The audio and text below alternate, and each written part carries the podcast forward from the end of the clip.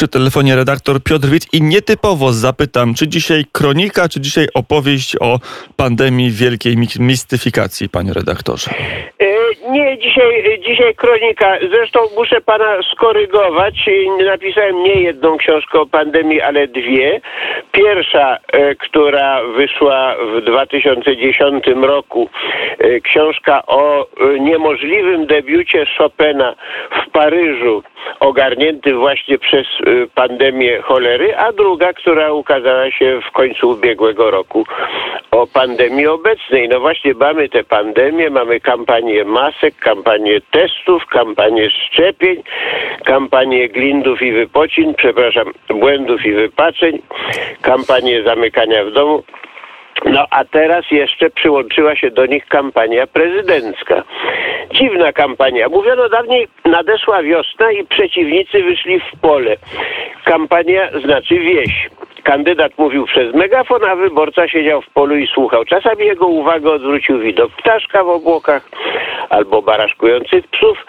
Podczas obecnej kampanii nic nie mąci skupienia. Wyborca zamyka drzwi mieszkania o godzinie 18 na długo przed dziennikiem telewizyjnym.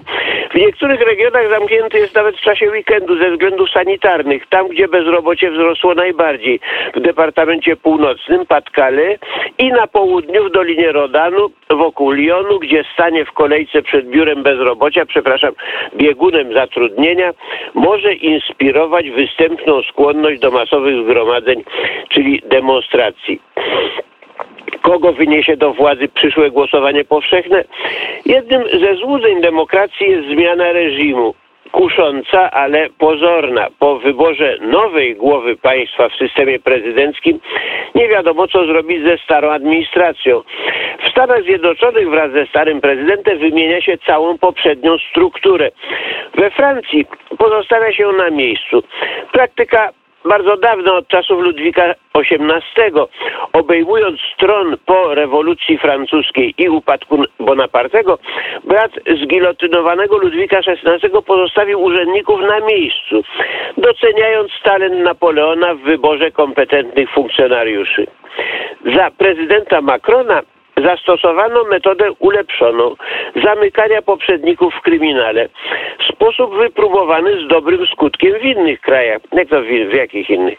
Los byłego premiera Baladura, 92 lata, pozostawiono sądowi boskiemu, ale inni, młodsi, Claude Guin, Brice Hortefeux, François Fillon, François Léotard, Nicolas Sarkozy, wszyscy do kryminału.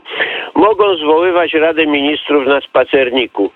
Co się tyczy Marine Le Pen, to jest ona przeciwnikiem wymarzonym dla prezydenta Macrona. Kandydat pokonają w debacie telewizyjnej zrobiła się niegroźna, zwłaszcza od czasu, kiedy partię swego ojca o obliczu zdecydowanie prawicowym, którego bezkompromisowa postawa była ewenementem na francuskiej scenie politycznej. Y, Marina Le Pen przekształciła w partię polityczną trochę prawicową, y, trochę nieco lewicową, odrobinę centrową. No w sumie partie jak inne. To właśnie od czego współcześni Francuzi odwracają się rozczarowani. Nicolas Dupont-Aignan, golista i suwerenista, mimo wysokiej inteligencji i słusznych, doskonale sformułowanych postulatów politycznych, nie odegra większej roli. Partia, którą założył i której przewodniczy de la France, Francjo Powstań, w ostatnich wyborach nie przekroczyła 2% popularności. Nie masz więc zbawienia dla ojczyzny Ludwika Świętego i generała de Gaulle'a? Rysuje się właśnie na horyzoncie ciekawa sylwetka męża stanu. Generał Pierre de Villiers jeszcze nie zadeklarował się jako kandydat do prezydentury. Jeżeli tylko będzie to możliwe, będę z pewnością głosował na niego. Generał broni Pierre de Villiers jest młodszym bratem Filipa de Villiers, autora dzieła niedawno wydanego, w którym znany polityk, przewodniczący regionu Vendée, udowodnił na podstawie odtajnionych dokumentów CIA, że Unia Europejska jest tworem amerykańskim. Mówiłem o tym w jednej z poprzednich kronik paryskich. Generał Pierre dał się poznać opinii publicznej wkrótce po objęciu rządów przez prezydenta Macrona. Wcześniej niewiele o nim słyszano, choć od dwu- 2000, e, 2014 roku e, pełnił wysoką funkcję szefa armii francuskiej. Stanowisko naczelnego wodza jest, jak wiadomo, zarezerwowane dla prezydenta republiki, choć bez tytułu generalissimusa, jaki nosił Józef Stalin. Jednym z pierwszych wniosków zgłoszonych przez generała w parlamencie było podniesienie budżetu wydatków na cele obronne do 2% produktu krajowego brutto. Dezydera, który generał powtórzył po obiorze nowego prezydenta. W wyniku stanowczego sprzeciwu Emmanuela Macrona doszło do ostrej wymiany zdań między oboma mężami stanu. To ja jestem pańskim zwierzchnikiem, powiedział po francusku prezydent Macron, co na rosyjski należałoby przetłumaczyć jako ruki paszwam małczać. Nazajutrz wieczorem szef sztabu armii generał Pierre de Villiers podał się do dymisji. Dobrze wykorzystał późniejszy okres. W trzech książkach napisanych od czasu dymisji wyłożył swe poglądy polityczne i określił przekonania. Przedstawił również konflikt z prezydentem Macronem i powody swojej dymisji. W ostatnim czasie udzielił wielu wywiadów telewizyjnych i prasowych, prezentując się jako zwolennik utworzenia armii europejskiej, jeżeli ta armia miałaby oprzeć się na suwerennych państwach. Po zamordowaniu Samuela Paty, państwo sobie przypominają, chodzi o tego nauczyciela, któremu obciął głowę fanatyczny Mahometanin. Więc po tej zbrodni generał opowiedział się za zamknięciem podejrzanych meczetów, za wydaleniem z Francji fanatycznych imamów i ścisłą kontrolą granic narodowych. W listopadzie ubiegłego roku wielki dziennik krajowy Le Figaro podał pogłoski o możliwym kandydowaniu Pierre'a de Villiers w przyszłorocznych wyborach prezydenckich. Generałowie na czele rządu mają na ogół złą prasę. Kojarzą się z huntą wojskową w republikach południowoamerykańskich i krajach Dalekiego Wschodu, z rządami opresji i przemocy.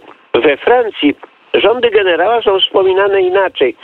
Charles de Gaulle był wyniesiony do władzy przez historię a nie przez głosowanie powszechne, ani tym bardziej przez wojskowy zamach stanu, jak to oszukańczo sugerował jego zagorzały przeciwnik Mitterrand. Od 50 lat wyniosła postać generała de Gaulle'a służy wciąż za wzór, za miarę dla wszystkich jego następców, za wcielenie Francji, jaką była i jaką mogłaby być. Jeżeli dymisja generała de Villiers dostarcza w oczach Francuzów rękojmi uczciwości i prawości charakteru, to w biografii odnajdują więcej rysów wspólnych z De Gaulle'em niż u innych polityków, którzy coraz częściej na niego się powołują.